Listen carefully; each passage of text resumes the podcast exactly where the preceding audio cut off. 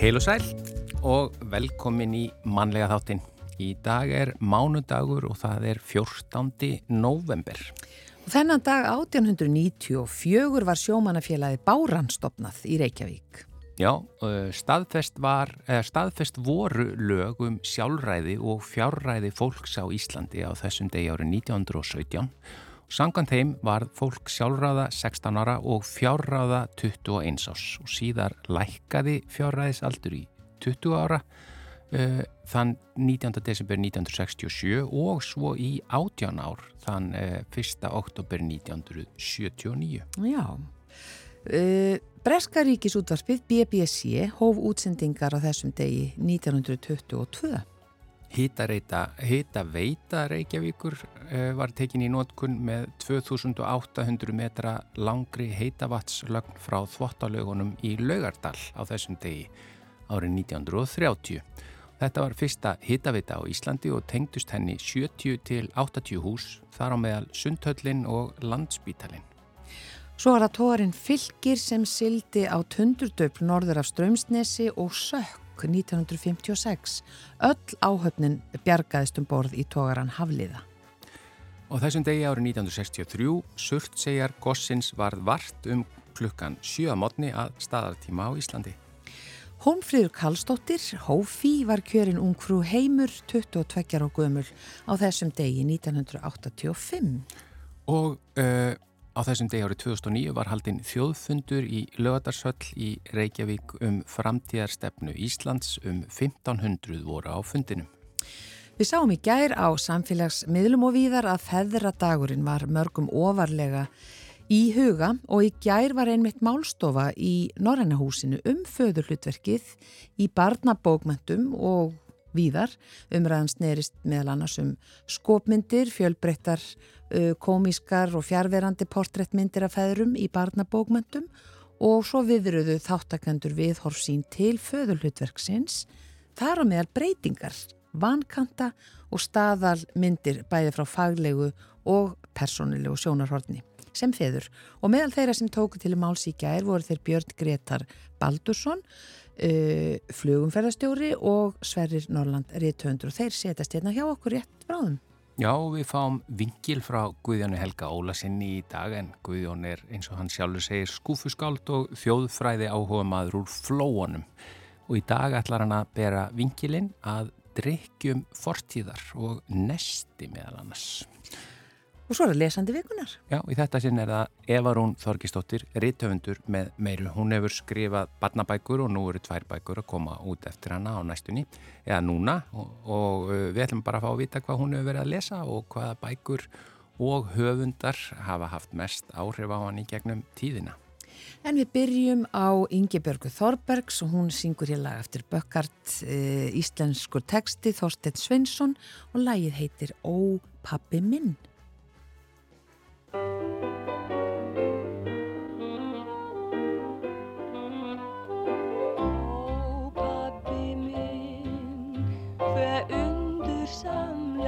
Ást þín var. Ó pabbi minn, þú ávalt tókst mitt svar. Aldrei var neitt svo ástúðlegur eins og þú. Pabbi minn, þú ætið skildir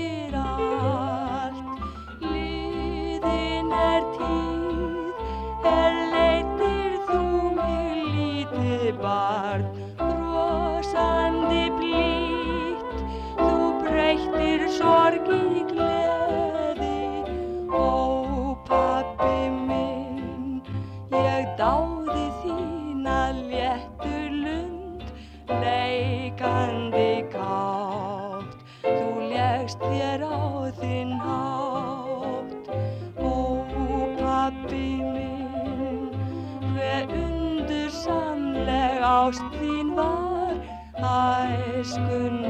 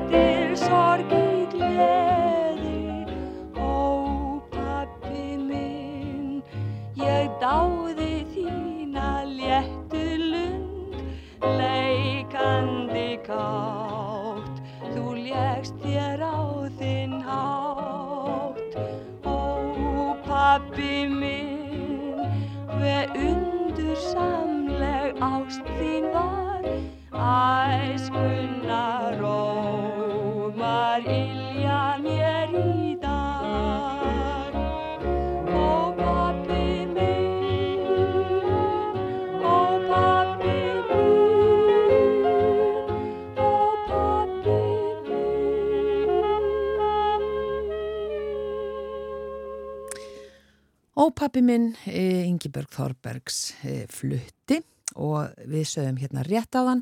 Feðradagurinn var í gær og var mörgum ofarlega í huga og þá var einmitt haldinn málstofa í Norrannahúsinu um föðurhlutverkið í barnabókmentum.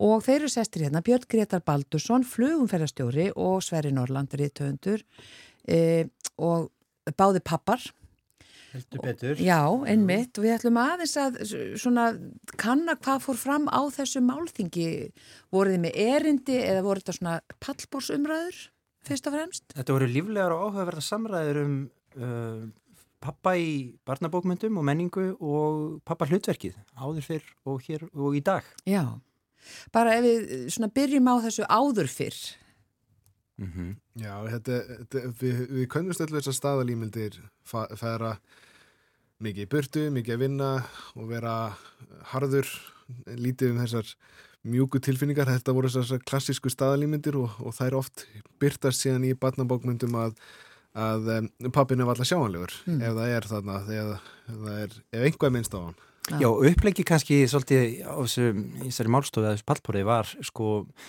er það eh, sko einar áskell og pappi hans sem er óbúslega áhugaverð svona fígura í barnabókmyndum. En svo líka vorum við beðnir um að, að sko nefna dæmi úr æsku okkar um aðrar svona föður uh, ímyndir eða föðmyndir í, í barnabókmyndum Já, og það var ekkert mjög auðvðan garda gresja. nei, hvað fundu þið? Það var vola takmarkað, þú veist, við gátum nefnt dæmi sko uh, Múminpappi það var eitt sem kom en á sama tíma er hann svolítið svona já, hann er Hann er svolítið staðalímyndin gamla, eða ekki? Já. svona...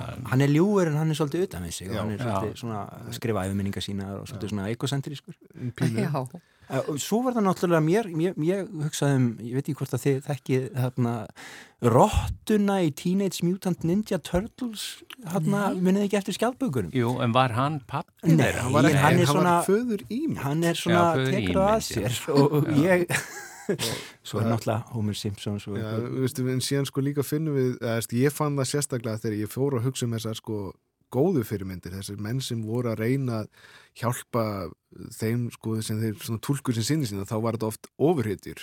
Þeir sem höfðu sterka og góða uh, föðurímynd voru þeir sem síðan örðu með sterka og svona vildu hjálpa öðrum. Og þar var oft svona þessi sterka en þegar maður fann barnabókmyndir þá bara já, var stundum pappin bara ógeðslega leiður ég verð þá í því samingi líka að nefna sko pappa Emils í Kattolti já, Já. hann er aldrei skemmtilegur, hann er alltaf svona á valdi ofsareiðinar Já, því sko að Já. fallega er að Emil ætlar sér aldrei að vera óþekkur. Hann ætlar meiri sér alltaf að vera góður. Já. Og nema að það klúðrast einhvern veginn Og þá fær hann ekkert nema öskur og læti. Pappi Emil, e, pappans er líka rosalega miskilinn ef það er einhvað því að ég, maður getur lesa á milli lína hann elskar svon sinn meir en allt en hann er bara ekki með verkfærin til þess að takast á við sína eigin tilfinningar því að augljóslega sér hann sig í síni sínum og skammar hann bara eins og hann var skammaður. En hvað með hérna- lítið annað en skammir Nákvæmlega Já, nema Hva- kannski rétt í lokin Já. Hvað með Andri Sönd? Hann er náttúrulega ekki Jú. pappi Ripp Rapparu. Nei, en hann er Já, frændið þeirra. Já, en hann er svona Föður. eitthvað gangaði með föðu stað Já, og það er Jú. aldrei útskýrt hvað foreldrar þeirra eru þannig. hann líka, jú, jú, hann var þarna en, en, en svo reyndar náttúrulega rættu við það eins að áhugaverðar personur í kannski bókmyndum og líka kvikmyndum og bara sagnarist almennt eru breyskar og svona dálítið flóknar mm. þannig að ef við ætlum að leita að hinnum fullkomna pappa sem er einhvers konar sko erki fyrirmynd þá er það kannski ekki sérstaklega kræsilegur svona efniviður í personu í, í barnabók skiljið Mm. eða þú veist að því að, að því að það eru breyskar og flóknar svona personu sem við nennum að lesa fræðast um en við fundum sagt ekki þessa, þessa fullkonu föður En ég minna Nei, þeir fengu hana bara ekki. ekki, ekki allan að úr okkar æsku bókum, það var ekkit einhver svona þessi fullkomni faður og í raun og veru er þetta, ég er auðvitað kjarni málsins, þetta við er engin fullkomin, við erum öll bara að gera okkar besta og það er það sem einn góði pappi gerir, hann er alltaf að gera sitt besta. Og, en annars við rættum meira að þetta hefur samt breyst sko að náttúrulega fyrri kannski barnabækur endur speikla alltaf annan veruleika en í dag ég sem bara endur speikla bara veruleikan kannski svolítið eins og hann var. Já, Að fadirinn var ekkit endilega mikið viðverandi. Nei, Nei, en í dag er það að breytast og það er sko markvist verið að skrifa bækur það sem að kannski pappi, orði pappi eða fadir er í titli bókarinnar og það er svona verið að skrifa nýjar tegundir af barnabókum, sína nálæga feður og svo líka bara held ég að gerist ósarrátt þegar fólk er að skrifa barnabækur eða gera sko barna, kannski sparnæfni að þá eru feðurnir nálægri Mm. af því að þeir kannski hafa frekar tök til þess og ég held að sem ég mikilvægt líka að benda á það að feður fyrri tíma voru náttúrulega fórnarlegum samfélagsgerðar sem var bara allt önnur. Það er ekki það að feðurnir vildu ekki vera til staðar. Og ég hef svo oft heyrt sko afa í dag segja hvað þeir eru gladir yfir því að geta eitt tíma með barnabönnunum og þeir vildu óska að þeir hefðu haft meiri tíma þegar þeir voru yngri Já, til að eða með bönnunum sínum. Já. Mm. þetta er rosalega oft og, og við erum að sjá þetta, ég sé þetta núna sko án þess að vera einhver sérstaklega að taka, þetta sé einhver sérstaklega að skrifa um það en, en Lára og Ljónsi veist, þetta er fjallar um stelpu og, og bánsunennar en þegar pappin kemur í þessu þá er hann til staðar, hann er hann við og hann er ekki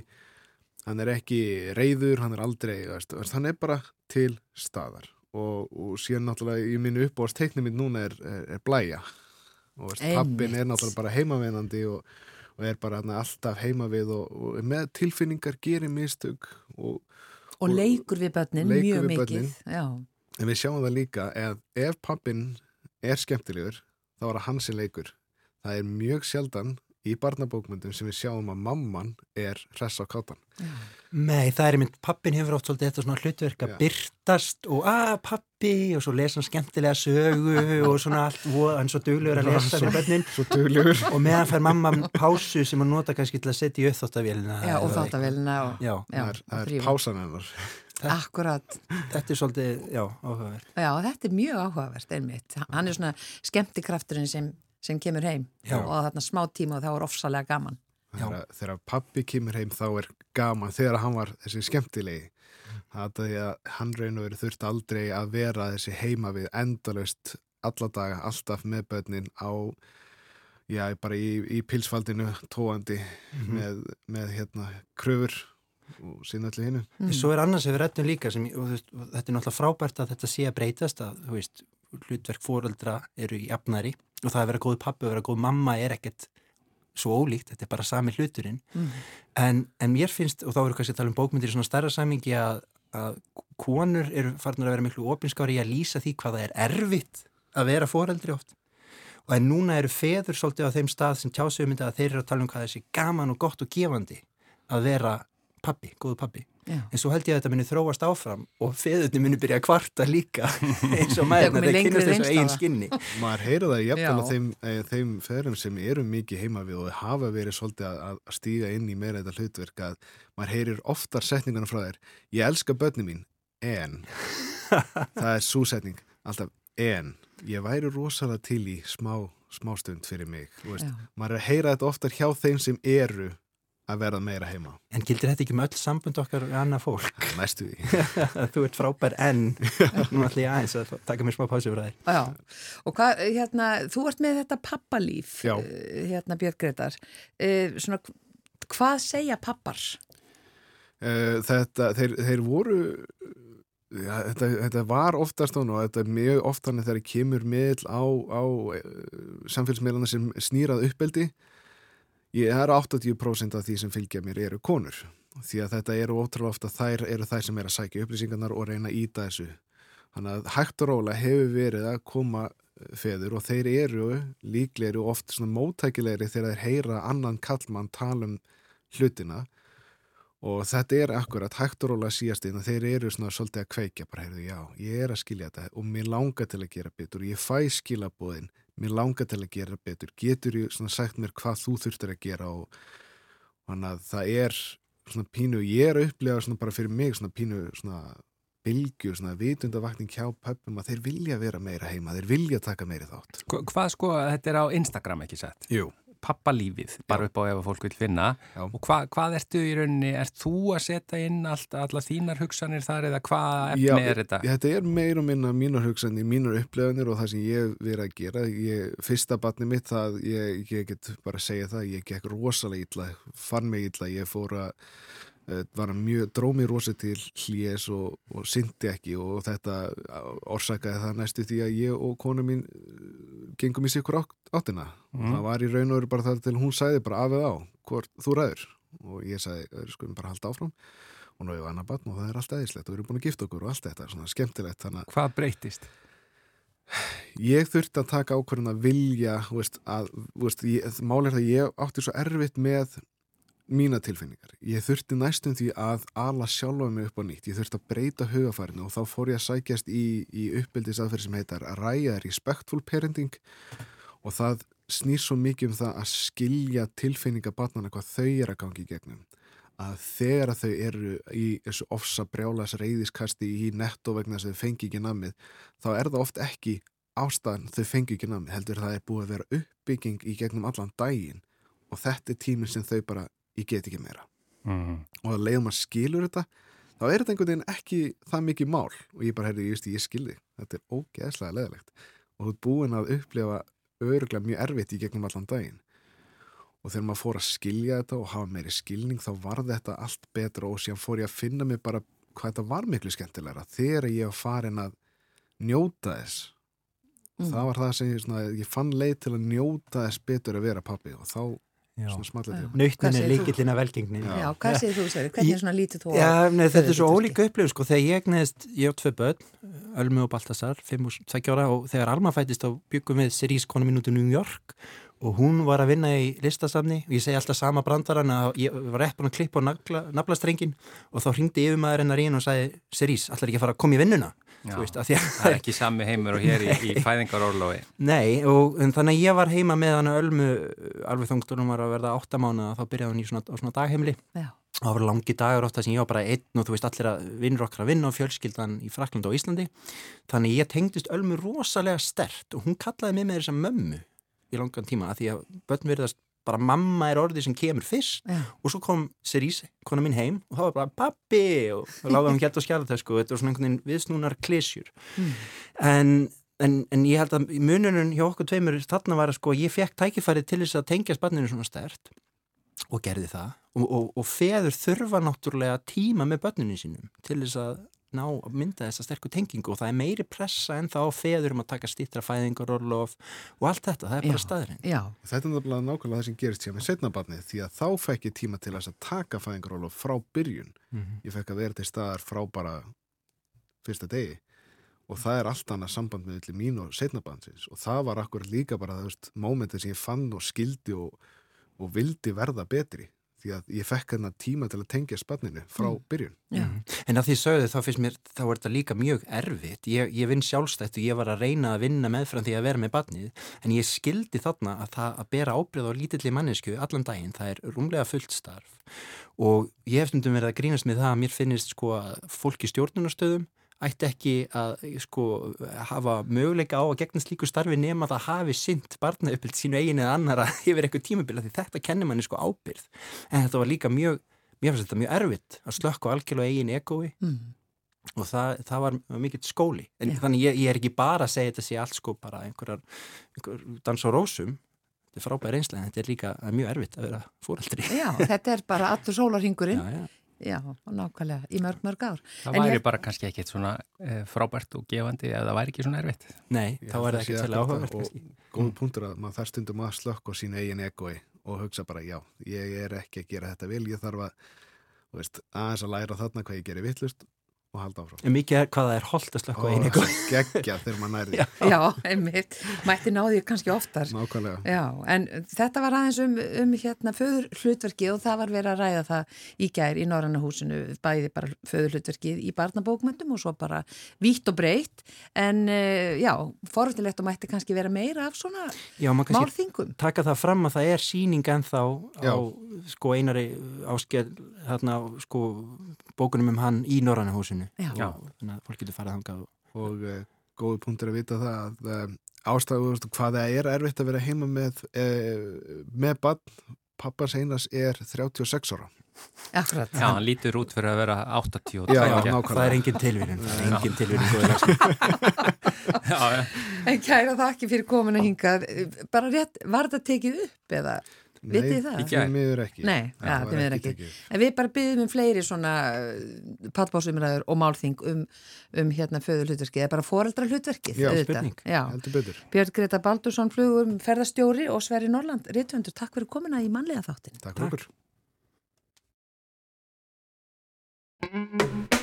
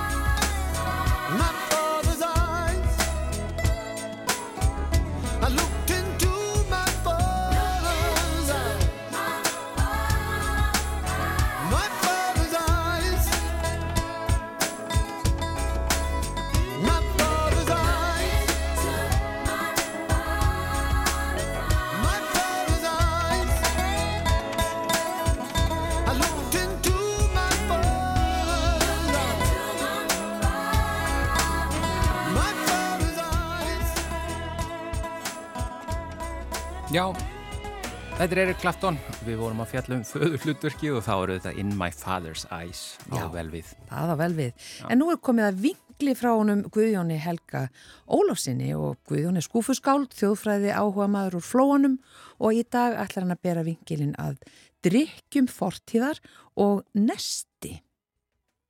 Ágætu hlustendur, klukkan er að verða 11 hjá mér og innan skams hefur 11. dagur 11. mánuðar ársins 2022 sitt skeið. Og ef þið eru að nýta ykkur línulega dagskrá rásar 1 er klukkan orðin 11 fyrir skömmu síðan. Því að þá byrjar mannlegi þátturinn. Annars er ég lítið fyrir talnaspeki og get ekki glatt ykkur með neinu spennandi úr þeirri átt. Og kannski get ég bara ekki glatt ykkur því að vinkil dagsins fjallar um ímislegt sem áður var hluti af hennu daglega lífi en er nú horfið. Orðið nostalgía var farið að skjóta rótum í íslensku máli en svo kom hinn góða þýðing þá þrá. Ég er hrifin að því og er að æfa mig að nota það sem oftast. Sennilega hefur nýlegt brottkvarf hins meinta svaladrykks svala úr hillum íslenskra verslana náða vekja hjá mér löngun til að fjalla um ímislegt smálegt sem hlotið hefur sömu örlög. Og nú er svali horfin úr búðum og hættur að vera framleiðsluvara hjá góstrykjagerðinni og þá ætti mér að vera óhætt að tala illa um hann. Ég hef nefnilega aldrei þólað hann drikk. Fannst hann bæði ljótur og vondur á bragðið. Já, ég stend við það. Svali var ljótur drikkur.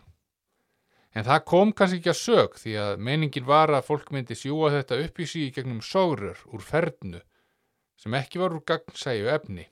Þannig er auðvitað búið að svifta neytandan þeirri gleðu að njóta fæður sinnar með augunum fyrst allra skilningarvita.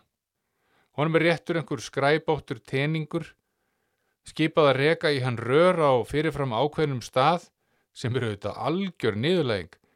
Að fá ekki að velja hvar stungið er í svona kupp hefur væntanlega ekkert með öryggisjónarmiðið að bræðgæðið að gera. Eða yfir höfuð nokkuð skapaðan hlut annan. En að maður getur auðvitað ekki lesið á þessu auglýsingarnar eða fyrirbærinu að snúið hist og pist fyrir ástungu. Umbúðir svalans voru hinnar svo kalluðu fernur og vísaði heitið til sköpulags þeirra. Ágætt orð ferna, kann vel við það. Ekki mann ég til annars en að glært slíður úr glæru einnóta plasti hafi verið fest með einhverju límdellu í andstæð horn fernunnar og að í slíðrinu hafi verið meðfylgjandi sógrör úr plasti. Merkilegt með þessi sógrör annars, þau eru það eina sem er ekki ferkanta á svona umbúðum. Ég man allavega ekki í svipin eftir ferkant sniði á svona rörum og örglega best að þau séu áfram hringlaga. En sjálfsagt væri hægt að reikna það út með einhverju talnaspeki og töflureiknuna að best væri að sógrörin varu ferköntuð í sniðið eða kannski þrýhyrnd, jafnvel áttstrend. Annað sem kemur örlítið spánst fyrir sjónir varandi sógrörin er að þau verðast algjörlega ódrepandi. Menn hafa grafið upp eldgamla ruslahauga sér til forvitnis og farið að rína í draslið sem kemur upp úr rúunni og fundið þar stráheila ruslapoka, sógrör, geisladiska og fleira plasturusl sem engin vill en aðrir og þarfari plastmunir virðast hins vegar feiknarlega viðkvæmir fyrir áhrifum sóraljós. Samanber vassrör sem helst þarf að geima undir sæng, slíkar viðkvæmnin. Í dag er engin þólinmæði fyrir einnóta sögurörum úr plasti. Þau eru algjörlega forbóðin og þeirra sess hafa rör úr pappír tekið, sem væri alveg upplagt ef að þau væri ekki æfinlega orðin af hálgerðri drullu, skömmu áður en búið er að reynsa upp vögvan úr fernunni. Fyrir mína parta virkar það hins vegar ekki eins og farið saman hljóð og mynd að stinga þessum uppleysanlegu papparörum í sama óþólandi glæra plastslíðrið og plaströrin gistu áður. Ég sé ekki betur en að slíðrin fjúki út um allar koppagrundir eftir sem áður, öllum til ama og leiðinda. Nú og svo eru fernundar sjálfar búnar til úr álpappir, það er að segja úr vaksbornum pappir sem klættur er með álþinnu. Og eins gott að koma svoleiðis í réttan endurvinnslu farveg eftir nótkunn, annars er voðin vís. Ekki svo lítið sem fellur til af slíkum umbúðum í dag. Við erum pínu galin að nota svona mikið af innóta vörum. Bæðið er þetta auðvitað sóðaskapur og kostnaður auk þessum að lausnin hefur mjög lengi verið til og hún er að nota umbúðir sem hægt er að nota aftur og aftur og þrýfa á milli. Ég veit ekki hvort að hlustendur kannast við að hafa farið með glerflösku undan tómatsósu með sér í skólan og haft í henni drikk dagsins. Sama flaskan gætt ennst árum saman ef menn gættu sín á að vera ekki að slá skólatöskunni mikið utan í. Ég fór öruglega bæði með mjölk og djús í svona flösku í skólan, en er ekki vissum að maður myndi láta bjóða sér svala á glæri tómatsósu flösku. Hann er alltof líkur uppþóta vatni til að það erði gyrnilegur drikkur. Ég man eftir appelsínu þykni á svona fernum líka. Það var alveg salla fín drikkur um maður hitti á að blandan með vatni í réttum hlutföllum. En alveg fullkomlega skjálfulegur ef svo illa vildi til að menn tækju feil á því og til dæmis svala og færa sulla í því óblönduðu. Svo nú mjölkubúið okkar hérna í flóanum alltaf framarlega í vöruþróun og bauð upp á ymsar skemmtilegar nýjungar mann ég var, kannski var hérna aðeins ráðdelt og nýttni í bland. Ég mann til dæmis eftir drikk sem hétt epla jóki og var mögulega jógurt sem þynt hafi verið með eplasafa. Ég þarf að spyrja Bjössa Baldus eða Óla Unnars vini mína út í þetta við tækifæri. Þeir hafa vit á mjölkurmálum. En hvað um það? Þarna var komið prótein og hollir gerlar saman við ávakstasafan með sínu sévítamíni. Löngu, löngu áður en fyrirbærin skýrdrykkur. Protein shake, hleðsla eða hvað þetta nú heitir allt saman komið fyrir almenningssjónir. Svo var alveg frábær svaladekkur til í mínu um, ungdæmi sem hétti mangósopi.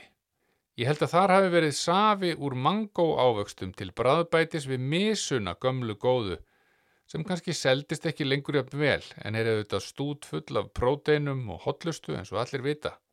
Allir toppnum hafi svo ekki verið náð þegar við hafnar mjölkurdrykkurinn jarðarberja jóki kom til sögunar. Það gæti auðvitað hafa verið tilrönd til að poppa þessi drykjarmála aðeins upp. Fólki vildi fernur á þessum tíma og sögja einlega hvað sem var upp í sig með plaströrinu góða. Mjölkurbúið var snemma í fararbrotti og hafði slíðrið utanum drykjarrörið úr pappir. En ekki þessu þunna plasthismi sem æfinlega loðir við puttana á manni fyrir galdra stöðurámans. Pappirinn leysist svo bara upp og er jetin af örverum ólíkt plastinu sem fíkur eins og draugur um alla jörð á meðan lönd byggjast. Ég veit svo sem ekki hvað krakkar hafa með sér í nesti í dag. Veit bara aðstóð mín við undirbúnings nestis á mínu heimili er ekki talindi bóta og jafnan snemmendis afþökkuð ef bóðinn. Vissulega hef ég minnst á það einu sinni að tvisvarað nestið var yfirleitt samloka með misingi sem er guðafæða þó ekki jafnist hann á við misuostinn sem matvandir mörlandar átu ekki á nægilegum krafti svo að framleiðslunni var hætt. Það er skandal sem að ég á bara enn eftir að jafna mig á. Misuostur er líka til í Nóri sem betur fer segi ég því þá fyrst var hægt að útbúa nótæft nesti þegar maður komst í svoleiðis þar. En þar heitir misuostur brunost og er gerðnan búið til úr geitamjölk. Mikil er geðpríði þeirra sem hafa það atvinnu að mjölka geitur. Þær eru reyndar ferlega skemmtilega apparöð, sérstaklega kýlingarnir, en afurðurnar eru alls ekki á pari við kýr og hrættur er ég um að málnitin sé ekki merkileg. En það segir kannski ekki allt og meðan til er fólk sem hefur gaman af geitabúskap skal ég gladur kaupa um afurður. Það er halvi sjálfsagt mál. Ég nefndi hér að fram að nestismál í Noregi. Ég starfaði þar við að stjórna skóarhagsfélum og útbjóð mitt nesti sjálfur en það fór vinnan fram mjög langt úr alfarar leið og ekki hægt um vika að skreppa heim í hádeginu til að sjóða ísu og kartablur. Bröðskífur og brúnostur voru daglega í malnum. Stundum líka þunnar sneiðar af álegspilsu úr geitakjöti og svínafeiti. Alveg ágætt millileg. En eins góðir á mínir norsku vinir eru hafa þeir ekki fullkomið bræðskinn. Þeir nota nefnilega smjörlíki til að smyrja brauðu sitt. Það er ósiður sem ég ætla aldrei að læra. Leifi mér að halda því fram að slíkt sé heilsu og gleðispillandi. Allt sómakært og eðlilegt fólk notar að sjálfsögðu smjör sem gemt er í ískapnum og skorið í þunnar sneiðar með ostaskera. Makarinn er örglega fínt til að smyrja með einhverja legur í fiskvinnslutækjum en gjörsamlega ónótæft til manneldis. Jæja, ég fer að sleppa ykkur núna, það styttist í matartíman og ég vona að þið fáið eitthvað kjart gott góðar stundir. Chibaba. Chibaba. Einu sinni litlum væsur endó var sungin vísa með varan hljó Þegar börnin urðu sippin í sorendó var ljúft að sopna við mömmur og Chibaba. Chihuahua, Chihuahua, Chihuahua, and Chihuahua, Cucuracumba, Chihuahua.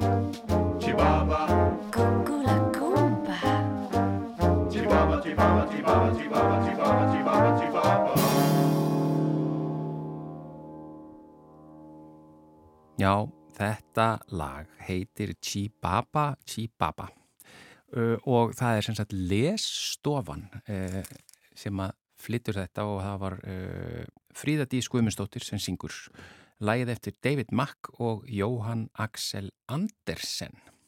En það er komið að lesandavíkunar og hún er hingað komin Eva Rún Þorkistóttir, velkomin í mannlega þáttu. Takk fyrir. Þú er rítuhundur, Já, uh, skrifar barnabækur já, og það eru tvær að koma út núna um jólun ekki satt. jú.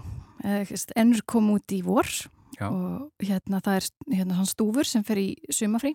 Já, auðvitað gefum að jólasveinabækur út um vor. Já, já, akkurat. Ég meina jólasveinar þeir hlut- hljóta að vera einhver staðar hína mánuði ársins sko og hérna í þessari bók þá fer hann stúfur til Ítalju.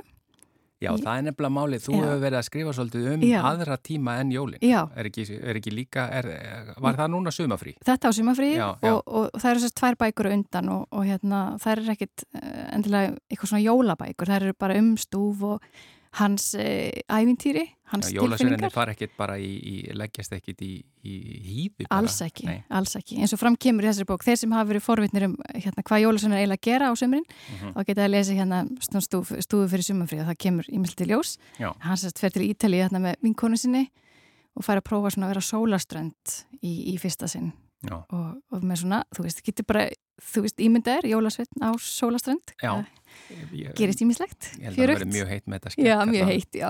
En svo er það hvað, skrimslinu vakna? Já, svo er það bók sem var að koma út eh, sem er skaldsaga fyrir svona 9-13 ára. Mhm. og hérna meðan stúfur er svona, svona gaman bók, gamansaga Mhm. þá er þetta svona spennusa skrimslinu vakna er sem sagt framtíðar spennusa og gerist 200 ár inn í framtíðina, árið 2222 og Já, alveg bara tveir, tveir, tveir, tveir. já, já og þar er þetta sérst, og þar koma íslensk hérna, svona þjóðsagna skrimsli mikið við sögu Já. það er sérst þjóðsagna skrimslin sem er að vakna og það er alls auðvitað person Kata, hún þarf að hérna, aðstofa þau e, við að finna, hvað að segja við- sem sagt, hjálpa þeim að finna svona gott líf aftur eftir, eftir svona þeir hafa, hafa leiðið svolítið í dvala Já, og hérna Já, þannig að skrýmslin eru ekki ógn heldur Nei, bara- þau eru- nei. Þau eru góð þau eru góð Já, og, og þau eru svona uh, eða þau eru svona hluti af okkur og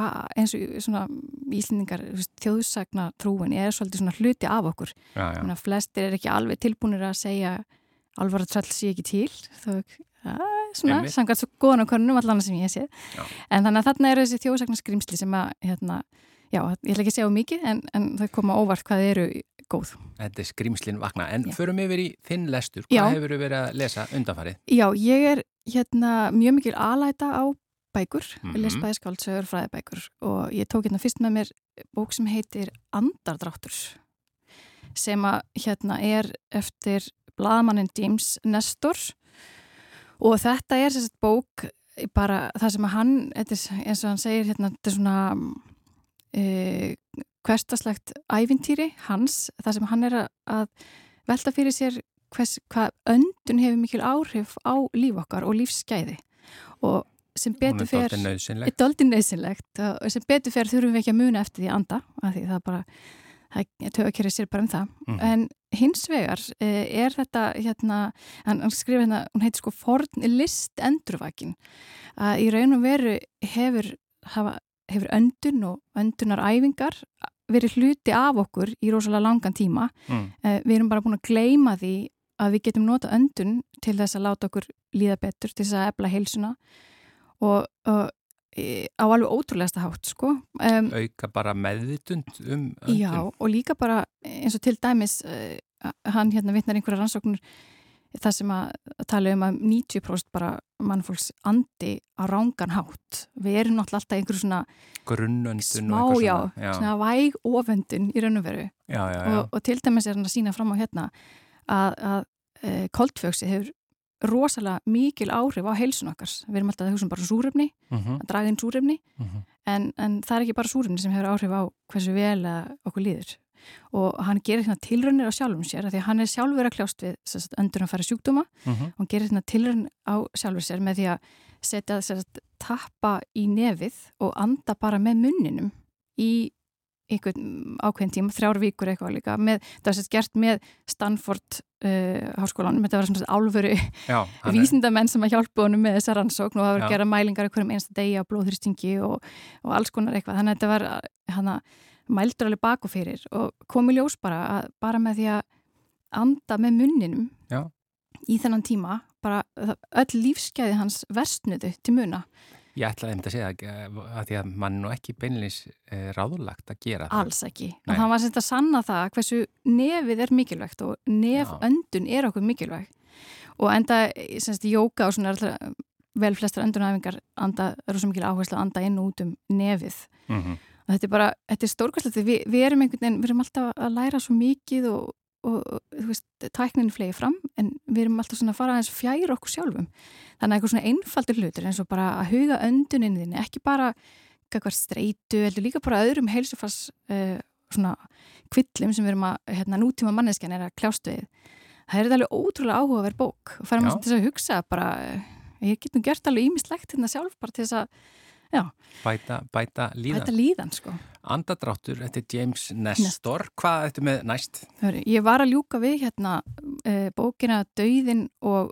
mörgæsin eftir úkrænska höfundin André Kurkov eitt frægasti höfundur Úkrænu og Mhm. þetta er nú bók sem var gefin úr 2005 en endur útgefin á, hérna fyrir stuttu og þetta er svona hérna eins og líst hérna tragikomiskt meistraverk Uh, Skáldsaga? Já, skáldsaga og svona svört komedja um Mm. blaðamann sem að eh, hann vill vera reythundur en hann einhvern veginn er ekki að slá í gegn Mm. en hann er, fær, starf sem blaðamaður og hann hérna fær uh, hann býr sagt einn íbúð með mörgæs sem hann hefur hérna svona ættleitt úr dýragarði sem að þurft að minka við sig eða loka Mm og mörgæsin er bæði sko þunglind og hjartveik -hmm. og, og það er svona svolítið svona átakanlega fallegt samband þeirra á milli í gegnum bókina og, og hérna og hann fær sagt mjög skrítið verkefni og að skrifa sérst, minningagreinar uh, fyrir dagblað Mm. uh, sem að, um menn sem eru ekki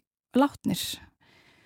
Og þetta, leið, já, þetta, þetta leiðir hann svona inn á nýjar brautir og, og hérna, þetta samband hans við mörgja sína finnst mér einhvern veginn svo skemmtilega. Þetta er svona mjög, já, þetta er svona svolítið svört dökk saga en, en samt einhvern veginn falleg og, og það, mér er svo gaman þegar svona það er eitthvað svona hefðbundar aðstæður bara blaðmaður í vinnu en, en, en svo sett eitthvað svona Eitthvað skrítið, skrítið eins og úr ævintýri Já, eða eitthvað slíkt. Og ég meina talar mörgæsi. en hún talar ekki, nei. Nei. Þannig að hún er alveg bara... Hún er alveg raunverulega realísk. Já, En, en þessar aðstæður eru skrítnar. mjög skrítnar. Og það að hann sé að skrifa minningagreinar fyrir Já. fólk sem er ekki látið. Er Já. eitthvað kemur fram af hverju það er? Já, það sé hann leiðir en þetta er náttúrulega svona... Má kannski ekki segja það. Já, þetta er svona, það er svona, það er svona spilling og annað sem hann dregst inn í þarna sem að, sem að hérna, og svona aðstæður sem að hann þarf að finna út úr, sko.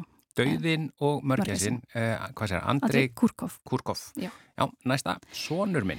Sónu minn eftir Alejandro Palomas, uh, hann er spænskur uh, og, eða katalónskur uh, og þetta er mjög falleg saga um dreng sem að þetta er skáldsa uh, og hérna mjög strák sem elskar Mary Poppins Mhm. hann hérna og, og eh, þetta er svona þetta, þetta er svona bók sem að ég ætla að reyna að segja frá virkilega vel án þess að segja neitt frá henni, af því hún er svona hún, þetta er svona falli ráðgata sem að svona smán saman, þetta er svona skræ höfundur nær ekkert að skræla nokkuð lög svona Já. fallega og rólega með maður lesi gegnum bókina að hvað er raunverulega lag. lag fyrir lag, já, Já. hvað raunverulega er að gerast en þessi drengur, Gilli, hann elskar Mary Poppins og hann sérst, kennarinn hans í skólanum finnst hann hefðun hans vera, hann er svona innrætn og eh, einhvern veginn heldur sér svona til hljés og hún finnur einhvern veginn á sér að það er eitthvað í gangi þarna uh, í sambandi hans og, og, og pappans Mhm. sem að hún ákveður að koma stað og já, fær ráðgjafa með sér í lið og sag, söguna segi bæði ráðgjafi skólans, Marja og sjálfur strákurinn, Gilli Það fór tveimur sjó- sjónarhóðnum. já, Já, já, já. og þetta er svona virkilega, þetta er svona saga sem fjallar um svona þessar samanlegu tilfinningar okkar svona um, um, um ástina, sorgina, einmannaleikan og, og hérna Er, og, er þetta barnabók eða er þetta... alls ekki Nei, Nei. einmitt. en þetta, mér finnst svo gaman þegar eru skrifaðar bækur fyrir fullotna þar Mhm. sem að e, þar sem að barn, e, því barnslega kemur við sögu það er Já. einhvern veginn það gerir oft bækunar svona alveg einstakar þegar höfundum tekst vel til og, og hérna að því að það tengir, tengir inn í okkur við tengjumst í öll einhvern veginn æskunni og, og minningum okkar það þannig að, þannig að þetta er virkilega vel hefnum bók og þetta er svona ráðgáta eh, hérna, ráð, námsráðgæði skólans er að að því hvað er eiginlega býra baki þessari óbærslega áhuga drengsins sem er í Poppins Já, já, já.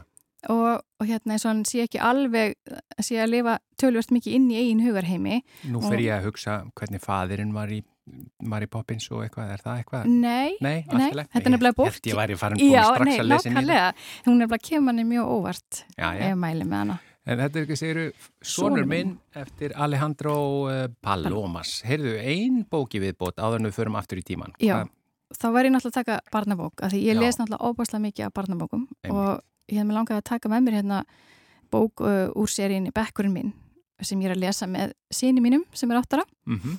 eða hann er að lesa fyrir mig, eða við skiptumst til á og þetta er alveg snildar seria fyrir krakka að lesa og hérna þetta, þessi bók heitir Bekkurinn minn Varúlfurinn Mhm. þetta er sérst seria, það sem að það eru sagt, fremst í bókinni eru, er mynd af öllum nemyndum í einum bekk Bekkja mynd, já. já, svona klassísk bekkjamynd með nöfnum og hver einasti nefandi fær sína bók, þannig að nú eru held ég komin úr fimm eða sex bækur í þessari serju og þau, þetta eru bara svona mjög hverstaslega bækur þar sem að hérna, þau eru, hérna þessi tengist Rekkjavöku og þess vegna heitir hún Marúlfurinn og, og hérna fallar um Leonóru einastelpuna í bæknum. Mm og hérna mjög myndríkar bækur og fyndnar. Og til að æfa sig að lesa. til að æfa sig að lesa og, og, en samt sko með mjög skemmtilegum söguþræði. Já. af því það er sko mjög mikilvægt þegar við erum að tala um að krakkarnir eða þau að nenna að lesa skilur Það verður að vera skemmtilegt. það má ekki bara vera einhver svona sísi og sá Mm. ís Saumar, saumar, já, já. Heyrðu, en ef við förum aftur í tíman, því að tíminn flýgur frá Já, okkur, mhm. eh, hvað svona, hvaða bækur eða höfundar eða og höfundar eh, Mhm. kom upp í hugan svona sem að virkilega hafa haft áhrif á því gegnum tíðina? Eða mátt fara eins langt aftur og þú vilt. Sko ég, ég átti mjög örfitt með þetta því ég, ég bara les svo mikið af alls konar uh, en ég varð að taka með hérna bók sem var algjör uh, bara, það var ofinberinn fyrir mig þegar ég fann þessa bók. Mm -hmm. Það er allt í plati eftir hennar Sigrunu Eldjárn Mm og hérna hún, sagt, þessi bók er fyrst gefin út 1980, stutt síðan hún var endur útgefin. Ég hef nú fundið hana nokkur mánu síðar, uh, uh, þannig ég verið svona áttara eitthvað sliðis og hér eru Eyvindur og uh, Halla sem að fara í fe bara ferðalag hérna, ímyndunaraflsins og þau komast inn í hérna, hugsunablöðru hjá uh, öðru koru, öðru, Mhm. öðru þeirra, hann er Já. hérna og þarna fara í ævintýri og að ævintýri gerist bara í Reykjavík en þau finna sagt krók og fíla Alveg neðanjarðar Ég man eftir þessari bók líka. og En hvað hafði þetta það, þau áhrif á því langað að skrifa eða? já, ég sko ég nefnilega las mjög mikið sem bann og ég var með mjög öflugt ímyndunarafl og þegar ég fann þessa bók þá sé ég bara það er einhver annar sem hugsar eins og ég No. og það var bara því mikið gleði því að hérna, ég man að ganga heim úr skólanum og bara og ímynda mér þessi krókufílunir þeir eru náttúrulega undir hlemmonum og onni í götu ræsunum Já. og ég hugsa bara þarna, það er einhver annar að hugsa um þessa götu hlemma því ég var alveg að velta fyrir mig hvað væri þannig undir sko. Já, uh, þetta er uh, Sigrun Eldjátt, hvað sér Sigrún hún heitir aftur? Allt í allt plati. í plati En hérna, við því miður er tíminn alveg að hlaupa frá okkur, uh, en ég sá að þú varst líka með hérna andra snæ. Já, ég greip hana með hérna um, um tíman og vatnið sem er alveg snildar bók og ég eh, hafði mjög mikil áhrif á mig að lesa hana því ég hef mikil áhrif áhuga á umhverfismálum Já. og hér eru þau einhvern veginn sett í svona persónulegt samhengi sem að hjálpar okkur að skilja í raun og veru hvað er að gerast í þessum heimi. Sem er mjög mikilvægt. Það er En mjög mikilvægt. Eva Rún Þorkistóttir, þakka að kella fyrir að vera lesandi vikunar í þetta sinn. Þættin með bara lokið í dag. Við eh, endum hann hér með en verðum auðvitað á sama tíma hér á morgun. Þökkum innilega fyrir samfélgin í dag og verið sæl.